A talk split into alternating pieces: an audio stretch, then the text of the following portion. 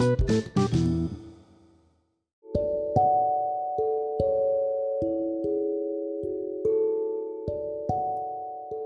teman-teman yang ada di rumah. Oke, gini ya teman-teman ya. Eh, gue di sini nggak naik. Gue coba-coba bikin podcast karena sudah beberapa keluaran udah PSBB, udah karantina, udah ngalamin lockdown, lockdown, lockdown apa itu. Pokoknya itu sumpah gabut banget gue. Jadi gue bikin rencana bikin podcast sama teman-teman gue nih. Dan silakan nih siapa aja teman-teman gue. Ya, dengan gue Galang. dan gue Putra Oh, oke. Jadi teman-teman gua satu sekolahan sama gua, bahkan satu kelas dan sering main bareng juga. Dan mereka emang orang paling gabut.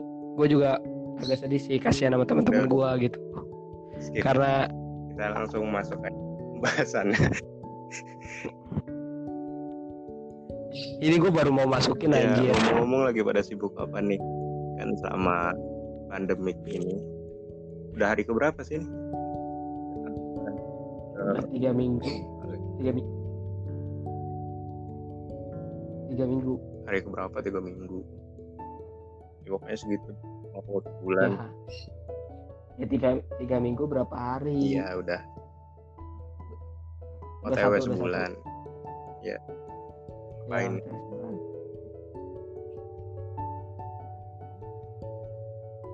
Apa? Putra suara lu mendem Putra. Deketin ya suara. Mic mic-nya deket. Udah. Nah, Nah mantap. gimana gimana? apa Lu nih? dulu put, lu dulu put. ngomongin apa dulu Kegiatannya apa aja nih? Budak kan. aduh gue tadi lola ya Kan puasa dikacangin gila.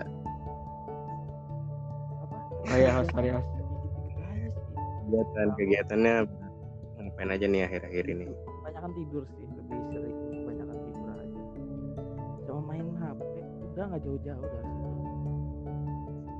Hmm. Kalau gua ya, gua nih gua. Sebenarnya kegiatan gua banyak banget. Walaupun di rumah gua tetap produktif. Salah satunya mengurus kuota gua, anjir itu gila. Gua 7 giga tiga hari biasanya dan gua pakai Telkomsel dan itu harganya mahal. Dan gua gak punya duit. Gua. Kegiatannya bukan curhat anjir. kegiatannya ya itu ngabisin kuota main HP tidur kayak gitu, -gitu aja lah Oke, jadi eh, nggak pada tahu kan ya. Jadi pemerintah sekarang nerapin menerapkan kayak PSBB gitu atau social distancing itu gara-gara yang virus yang lagi rame ini tau gak sih virus apa? semua orang tahu ya COVID-19 nama jeleknya korontol Itu menurut kalian gimana sih corona ini?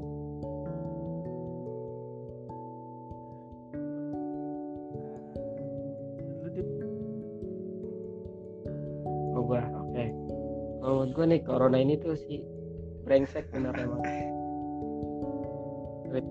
dia tuh motong uang jajan gua gitu loh apalagi gua baru lulus sekolah ya kan? Eh, jangan. Tapi kalau menurut gua terkena ini terlalu ber- terlalu berlebihan. Sebagai manusia ini kita terlalu berlebihan men. Dulu juga banyak bukan penyakit corona doang yang nyampe kayak gini. Cuman karena karena corona doang ini nih nyampe semuanya kegiatan dimatikan banyak yang jadi pengangguran. Kenapa gue kesel mau jadi banyak yang pengangguran? Pertama kita baru mau ngerasain kerja. Tapi saingan kita sama pengangguran pengangguran yang Oh, dipecat oh ya nih guys, for your information kita ini fresh graduate kan baru kemarin aja apa nyelesain ujian-ujian gitu. Jadi sekarang kita OTW pengangguran gitu sih. tapi kayaknya gue enggak dah kayaknya gue enggak Oh iya, pengecualian. Ya dia pengecualian. Oh iya, eh, tadi kata si Dipa kan kayak bukan cuma corona doang jadi gue kayak inget kayak pada tahu nggak sih kayak yang virus Black Death itu yang bisa Iya, Yang- Black Death. Jangan jauh-jauh dah. Jangan jauh-jauh. ah Polio, ya po- hepatitis B. Sebenarnya Indonesia kan banyak virus-virus kayak gitu iya karena yang mungkin baru ditemukan itu ya si COVID-19 ini kali ya sebenarnya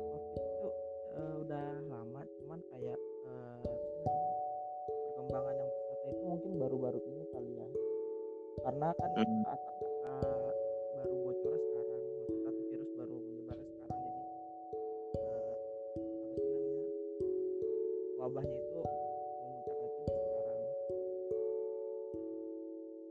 Tapi gini ya, gini ya. Kalau menurut gue ya, corona yang katanya berasal dari hewan ya kan, dan dari pasar Wuhan dari Cina. Itu kan pasar Wuhan itu juga udah lama Iya. kan pasti. Udah lagi kelam kayak gitu. Tapi kenapa baru sekarang men? Kenapa nggak dari dulu corona ada? Aneh nggak sih? Yo, Nah, itu mungkin yang tadi di- yang tadi dibilang baru mungkin ya tapi ini dia berevolusi atau makin kuat virusnya gitu Tapi kan udah lama banget anjir gitu maksud gua.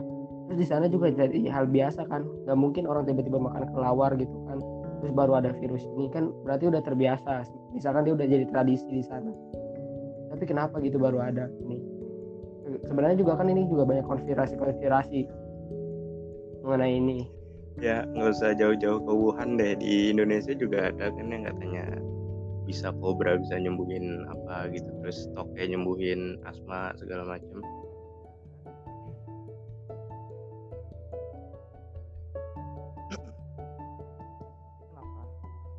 Ngomong apa bilang tadi lang?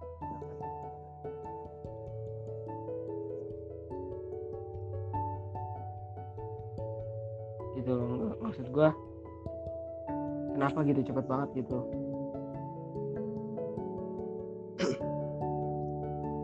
Ya udah. Tapi kan ya Ah. tapi gini gua gue mikir gini nih, nih eh, kan corona ya kan karena corona kita di psbb nih kita nggak boleh ke mana-mana harus tetap di rumah.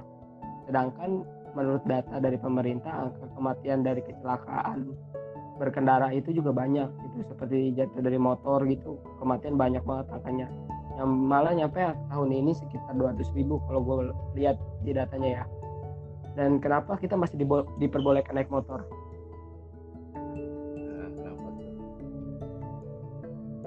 Nah, kenapa ya? Mikir gak sih?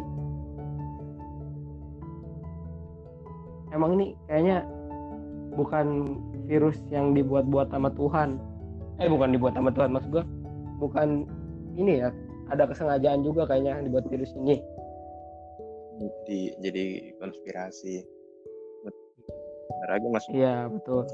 Kalau gua lihat dari podcast Om Deddy juga kayak gitu. Om Deddy Kobusier. Sama Yonglek.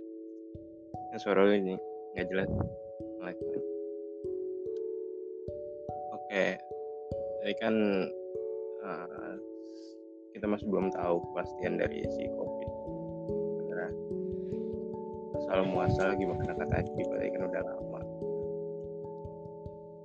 Eh, tapi gara-gara si covid ini eh, berdampak sesuatu nggak sih ke kalian? Misalkan apa gitu? Oh iya, kan kemarin kita masih sekolah gitu. Dampaknya yang pasti jadi susah hujan-hujannya diliburin kan. Sempet bahkan itu ditunda kan Iya. UN-nya yang harusnya kita Senin UN tapi di malam Seninnya itu baru diumumin kalau misalnya besok libur gitu kan Wah itu Menurut kalian? gila. apa dampak corona buat diri kalian sendiri kalau buat gua ya sebenarnya kalau segala sesuatu itu pasti ada baik buruknya sih Ah.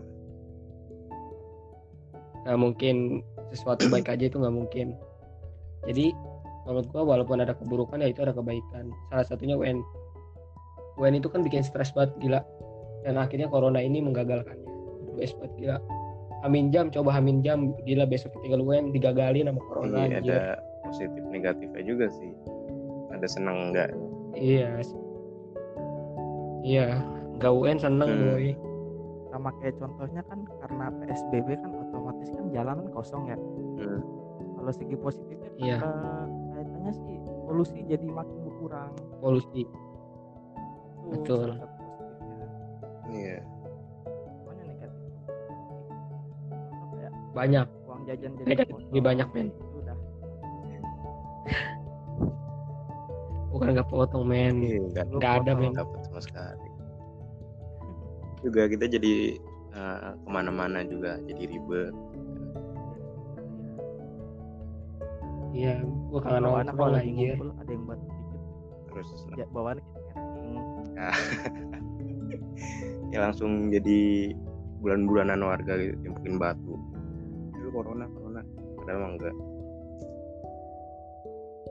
Terus ap- apalagi kan iya eh, bentar lagi puasa kan ya. Oh ya kayak ini di record hari Rabu berarti puasa hari Jumat dua hari dua hari Jumat. lagi puasa pertama. Nah itu gimana nih? Dengan situasi yang seperti ini mungkin?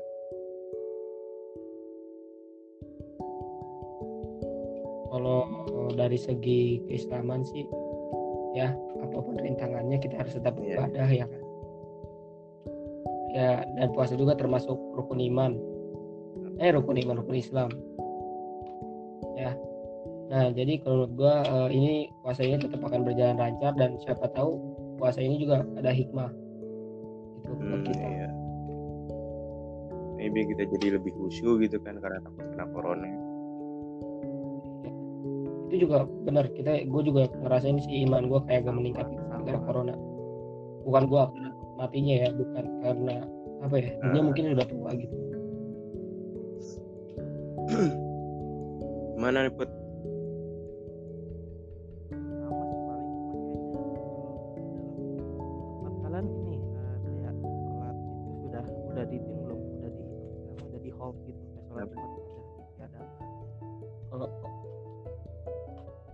Belum. Gua sholat jumat kayaknya udah kemarin akhir deh. Cuma kalau sholat apa namanya tarawih itu kayaknya ada cuman jaraknya jadi per apa setiap orang itu ada satu saf kosong. Hmm, ya. udah gitu di setiap pintu masjid itu udah ada kayak semprotan disinfektan. Ya biar, biar bisa beribadah lah. Kalau gue sih perumahan lo elit kalau gue nggak kalau gue sholat berjamaah masih lanjut. Dan kemarin ketika sholat jumat ada pengumuman juga. Nah pengumumannya itu eh, DKM masjid itu nggak berani buat eh, kayak ngehilangin kayak gitu. Eh, li- liburin sholat jumat liburin sholat raweh jadi semua itu Ya. diserahin sama rakyat yang di situnya. Jadi kalau misalnya rakyat berbondong-bondong datang ke masjid untuk sholat raweh ya masjid itu juga menyediakan fa- fasilitasnya gitu jadi nggak berani bukannya nggak hargain pemerintah tapi karena ini juga bersangkutan soal agama kan apalagi agama juga sebagai pedoman kan jadinya harus hati-hati juga dalam Tergantung masing-masingnya aja gitu. iya gitu Iya. Allah alam sih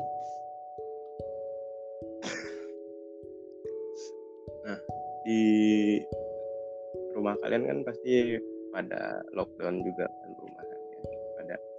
Yang mau masuk komplek disemprot-semprotin, terus cek suhu tubuh gitu kan. kalau gua nggak gua kampung gua kampung Ya, terus di sekitar kalian itu udah ada yang ODP atau malah udah positif gitu, udah ada yang ketahuan atau belum?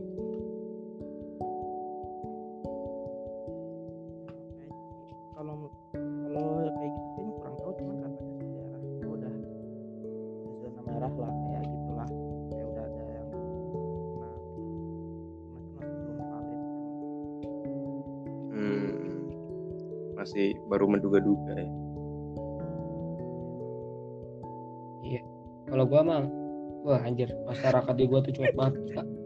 Maksudnya Asli. cuek serius tahlilan aja masih ada boy. Kemarin ada yang meninggal karena sakit gula darah bukan corona.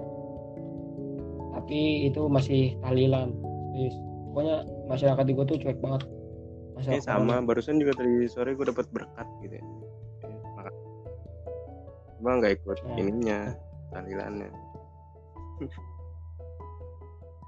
ya lu makan doang gak dosa lu gak ngedoain. Iya. Eh, menurut kalian kan sekarang di juga udah ketahuan kan berita-berita bahwa perawat atau dokter-dokter itu udah banyak yang tumbang ada yang ikutan kena corona juga. Dan bahkan ada yang diusir dari kosannya. Eh, langkah kita untuk membantu dokter-dokter gitu? Selain stay at home itu apa sih menurut kalian? Entah bagi-bagi masker atau kita sumbang apa gitu. Boleh oke kalau gue gue kemarin sempat ada hati nurani kayak pengen ngumpulin dana kayak gitu. Cuman gak terlaksana. Eh satu sisi ketika gue pengen melakukan kayak gitu orang tua gue Nah. jujur nggak mendukung karena Khawatir- mungkin dia juga khawatir resikonya kan ke keluarga kalau gue ikut keluar keluarga itu iya gitu. Dan gue mengerti itu. Dan gue kalau menurut gue untuk sekarang yang pertama sih doa dulu buat mereka semua. Bukan bukan buat Hmm. mereka semua kita semua ya. Seluruh manusia di dunia. Terus yang ketiga mungkin kita bisa membantu dari hal kecil dulu mengingatkan keluarga kita atau lingkungan kita terlebih dahulu. Terus untuk masalah untuk kepada dokter gue salut juga sama dokter dokter. Keren banget mereka. Bisa dibilang mereka pahlawan. Jadi kita kalau gue sih pribadi paling ya bisa bantu doa ke mereka. Yang udah gugur ya semoga pahala ya kan menjadi berkah masuk surganya Allah kan di sisi Iya. Allah terbaik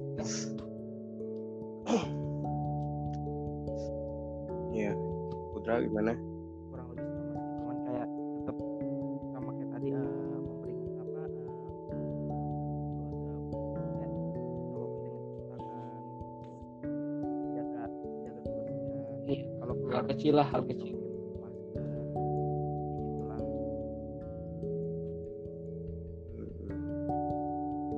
Nah, dan kalau nggak ada mending cari keluar dah. pasti kalau mungkin nggak ada.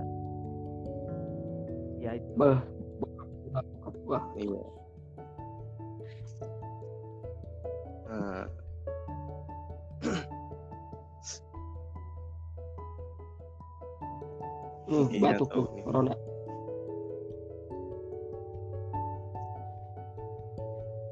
jadi parno anjir. kalau dengar Iya, suara batuk iya. itu jadi parno. Nah.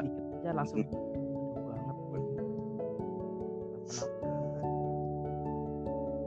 gue banget. Itu eh gue sempat sakit tau. Gue sempat demam 40 derajat itu dah.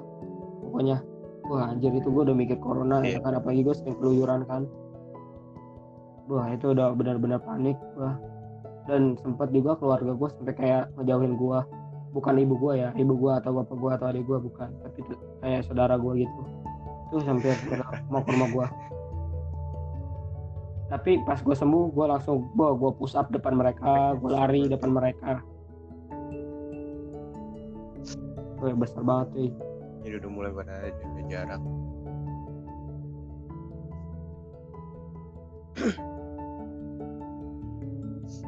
Hmm, terus uh, tadi kan yang sorry lupa bahas yang tadi efek corona ini kan sekolah-sekolah pada diliburin terus pada uh, belajar di rumah gitu kan. Banyak melalui aplikasi-aplikasi atau platform-platform gitu untuk belajar online. Uh, saya sempat berpikir ya gimana sih uh, siswa yang nggak punya telepon atau yang nggak punya fasilitas untuk belajar online gitu iya sementara sekolah untuk tugas terus juga cara sekolah untuk uh, ngajarin mereka itu cuma dengan cara ngerjain tugas ngerjain tugas foto kirim ke gurunya gitu kan. Kalau gitu kan bisa kakaknya atau ibunya atau bapaknya yang ngerjain itu, kan. itu itu relate banget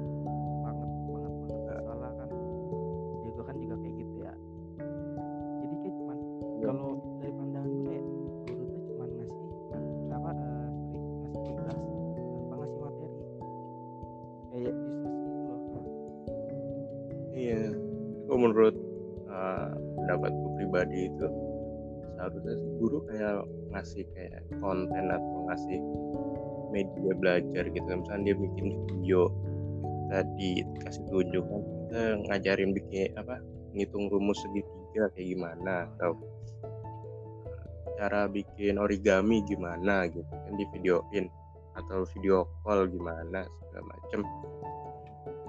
Yang kelihatan sekarang yang deket banget sama kita itu ya kayak gitu dia cuma ngasih atau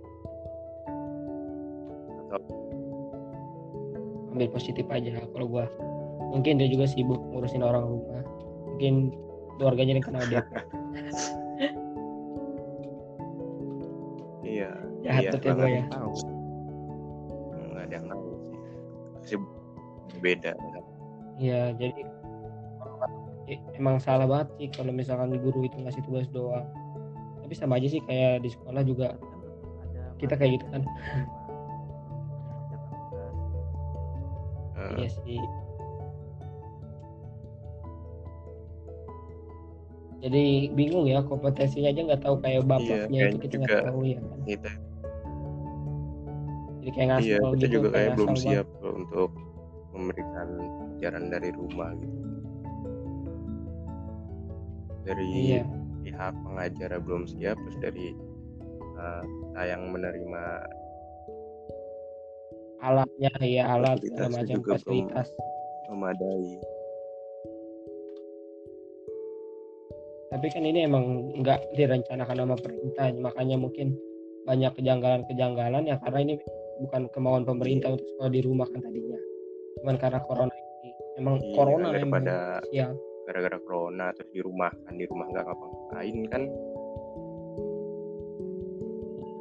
ada baiknya juga sih adiknya jadi nggak rewel. Tapi ada juga yang bikin gua kesel kadang-kadang ya, emak gue jurunya gua gitu loh. iya dan orang tua juga malah yang kerepotan sendiri Iya, belum kan dia juga kayak beresin rumah Iya. segala macam. Apalagi SD belum ya ibaratnya Ah. pakai HP orang tua. bayang sih Tapi bener ya, ini corona ini hebat ya. Selain bisa ngilangin UN, dia benar-benar bisa ngerubah ekonomi, pendidikan semuanya Iya. diubah. gratis Gila. Dan dengan waktu gila ini menurut gue sih cepet belum banget. belum ada sebulan mau mau sebulan lah Iya, baru mau sebulan anjir. Kayak gini. Tapi terus juga kan nggak ada keyakinan pemerintah ya kan buat kayaknya eh, dinyatakan sekian hari hari kapan selesai wabah ini selesai kapan itu nggak ada kepastian.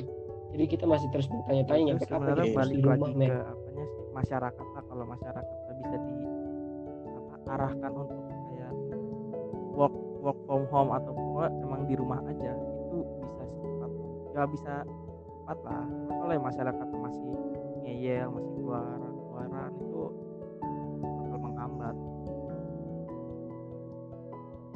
Ih, tapi gini pun eh, kalau menurut gue ya, gue juga nggak setuju sih kalau kita emang diem di rumah aja gitu loh. Walaupun penyakit ini berbahaya ya, Tapi kita di rumah aja nggak dapat apa-apa orang kita, orang tua kita aja diputus kerjanya segala macam itu, men, ah, ampun men, lu mau makan apa men? Nah, iya. dari sudut pandang yang berbeda gitu. Kalau Juga pasti bakal ada kekacauan lagi sih gua menurut gua. Orang malah makin berani anjir buat ngebegal segala macam itu yakin. Ya betul betul. Lagi napi dibebasin. Iya. Di sini aja di tempat gua kata udah ada suspek sih. Suka ada yang keluyuran tahu kan lu tahu kan Perum kan ada berapa tempat masuk? Iya. kan ya? udah jadi depan tahu. iya. Ada di gerbang depan doang itu. Masih ada yang suka jam-jamnya jam-jam kayak jam tiga. Ngapain? Hmm. sedangkan cuma ada satu jalur nggak mungkin kan mereka kayak menggunakan perum sebagai sih buat lewat doang. Eh tapi ada yang aneh dari psbb ini ada yang aneh kalau menurut gua. Eh, kita nggak boleh keluar ketika siang kita wajib pakai masker. Ya kan pokoknya ketika siang itu kita nggak boleh. Tapi ketika malam nggak nah ada yang menurut kayak gue PSBB gini loh mau cepet kelar gitu kan. Sebenarnya kalau misalnya dipertegas aja gitu kayak eh, ada sanksi-sanksi tertentu untuk yang melanggar melanggar jadi kan kayak biar ada efeknya untuk melanggar gitu kan. Misalnya dia keluar nggak pakai masker atau keluar keluar nyelonong nyelonong kayak masuk ke rumah kan gitu. Perlu ada tindakan khusus sih menurut tindakan tegas gitu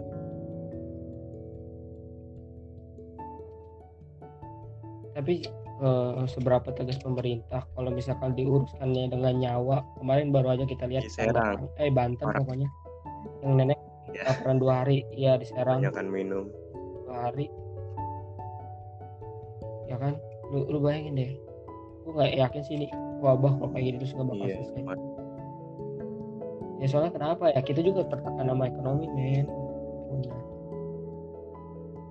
Kita emang nanti kalau misalkan kita di rumah aja ya kan kita nggak mati karena corona tapi bisa mati karena yang lain men. Mati kelaparan. Iya jadi bingung sendiri terus gimana?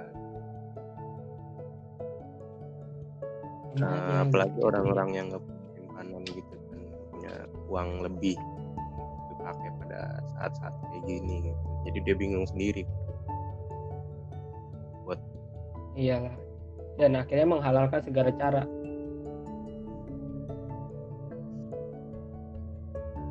Kalau kita misalkan ada yang begal Iya. motor kita bisa nyalain dia nggak misalkan? Kita bisa nyalain dia? Enggak lah. Walaupun dia salah ya tetap aja kita mikir hati nurani kitanya. Kenapa dia bisa ngambil? Alasannya apa? Nggak punya uang men. Nggak ada kerjaan. Dia dicabut dari PHK karena siapa yang salahkan corona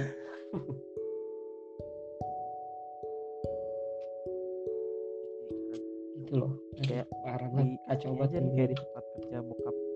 Kan udah kayak ada trainee gitu kan ya. Biasanya trainee berapa lama sih? Berapa lama pak? Tiga bulan lah.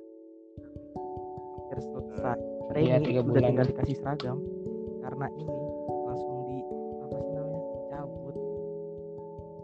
Di cancel. Langsung di cancel Anjay.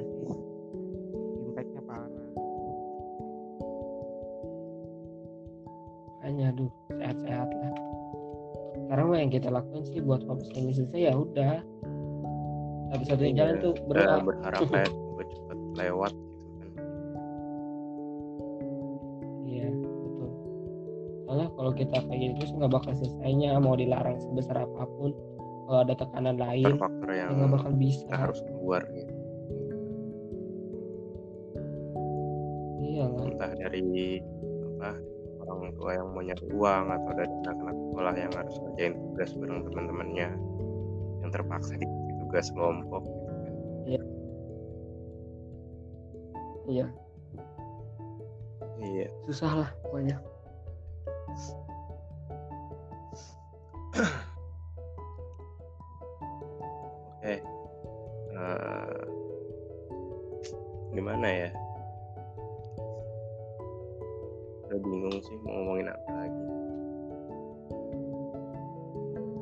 ada jalannya kan? Nggak bakal ada hasil akhirnya kalau iya mau ngomongin kelihatan juga. Eh, eh, tadi baru ngeliat di berita katanya di Jakarta itu diperpanjang PSBB sampai tanggal 22, 22 atau 24 Mei gitu. pasti akan terus diperpanjang iya, men. belum gila men. Kita aja nggak tahu. Kita nggak bisa lihat virusnya di mana kita nggak tahu di- nggak dikasih data aslinya di mana ya kena siapa aja ini benar-benar mati karena corona apa enggak. Malah kan siapa tahu bisa diperbanyak juga tuh data-data kematian.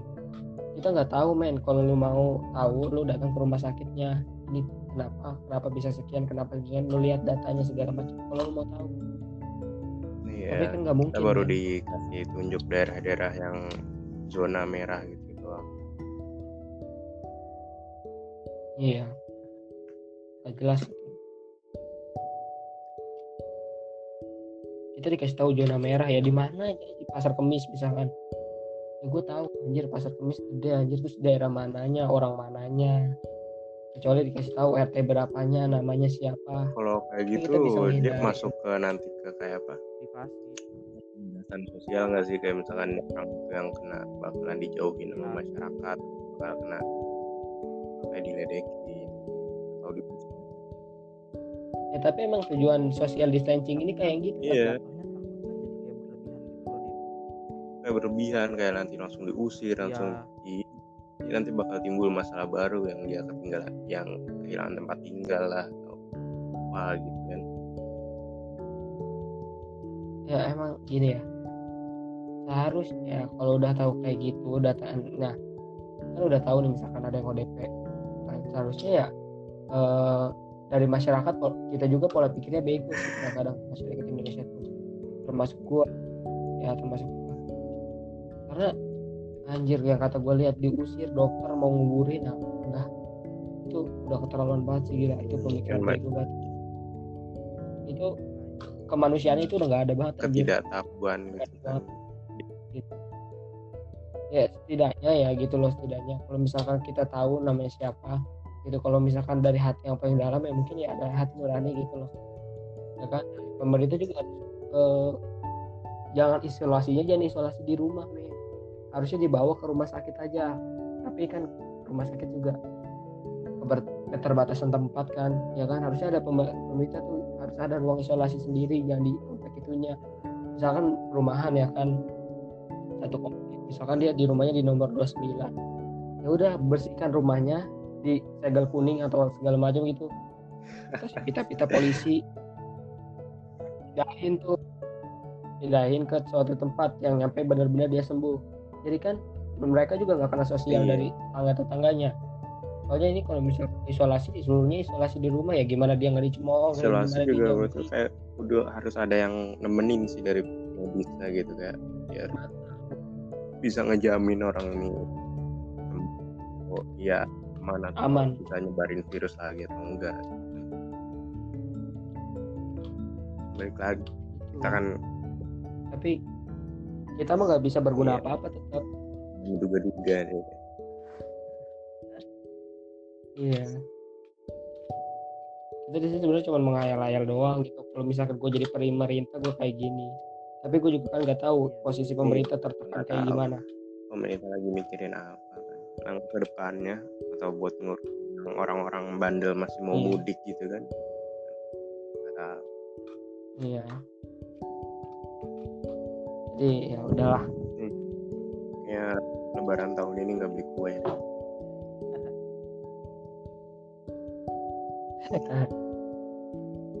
Bikinnya pakai garam sama gula.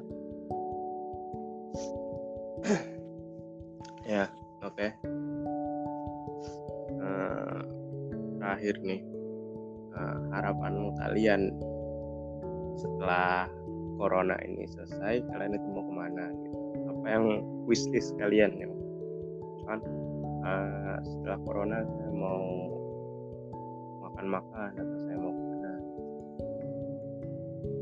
Harapannya. Satu kata gue nongkrong.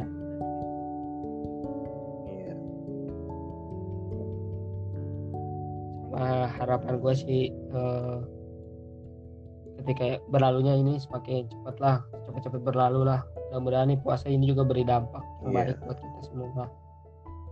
Dalam umat muslim.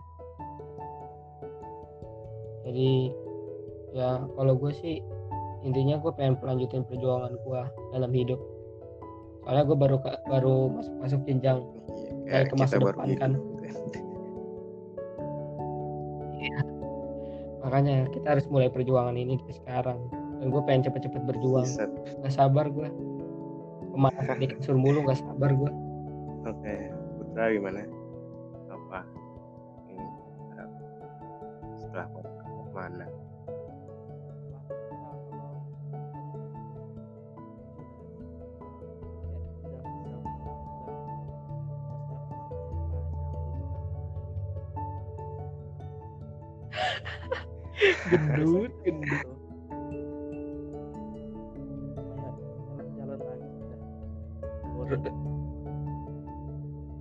Lebaran nggak ada Iya. rendang ya Put ya. Opor lu sukanya opor tuh. Sama kentang, Kayak sambelin ati aja. sama. Iya mau pete. terbaik Anjir, terbaik. Tradisi.